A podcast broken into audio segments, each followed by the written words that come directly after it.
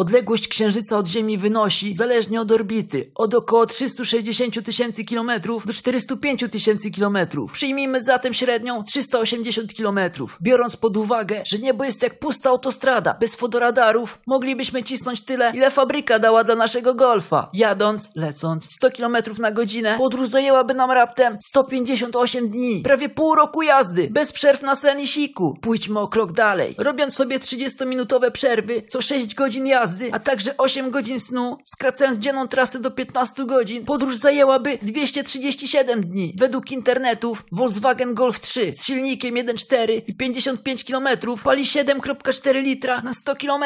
Ile zabulimy za tak ambitne wojaże? Umowną granicą kosmosu jest linia Karmana, czyli wysokość 100 km od powierzchni Ziemi. Pomijając opór towarzyszący przekraczaniu granic atmosfery, zamknęlibyśmy się w 105 km.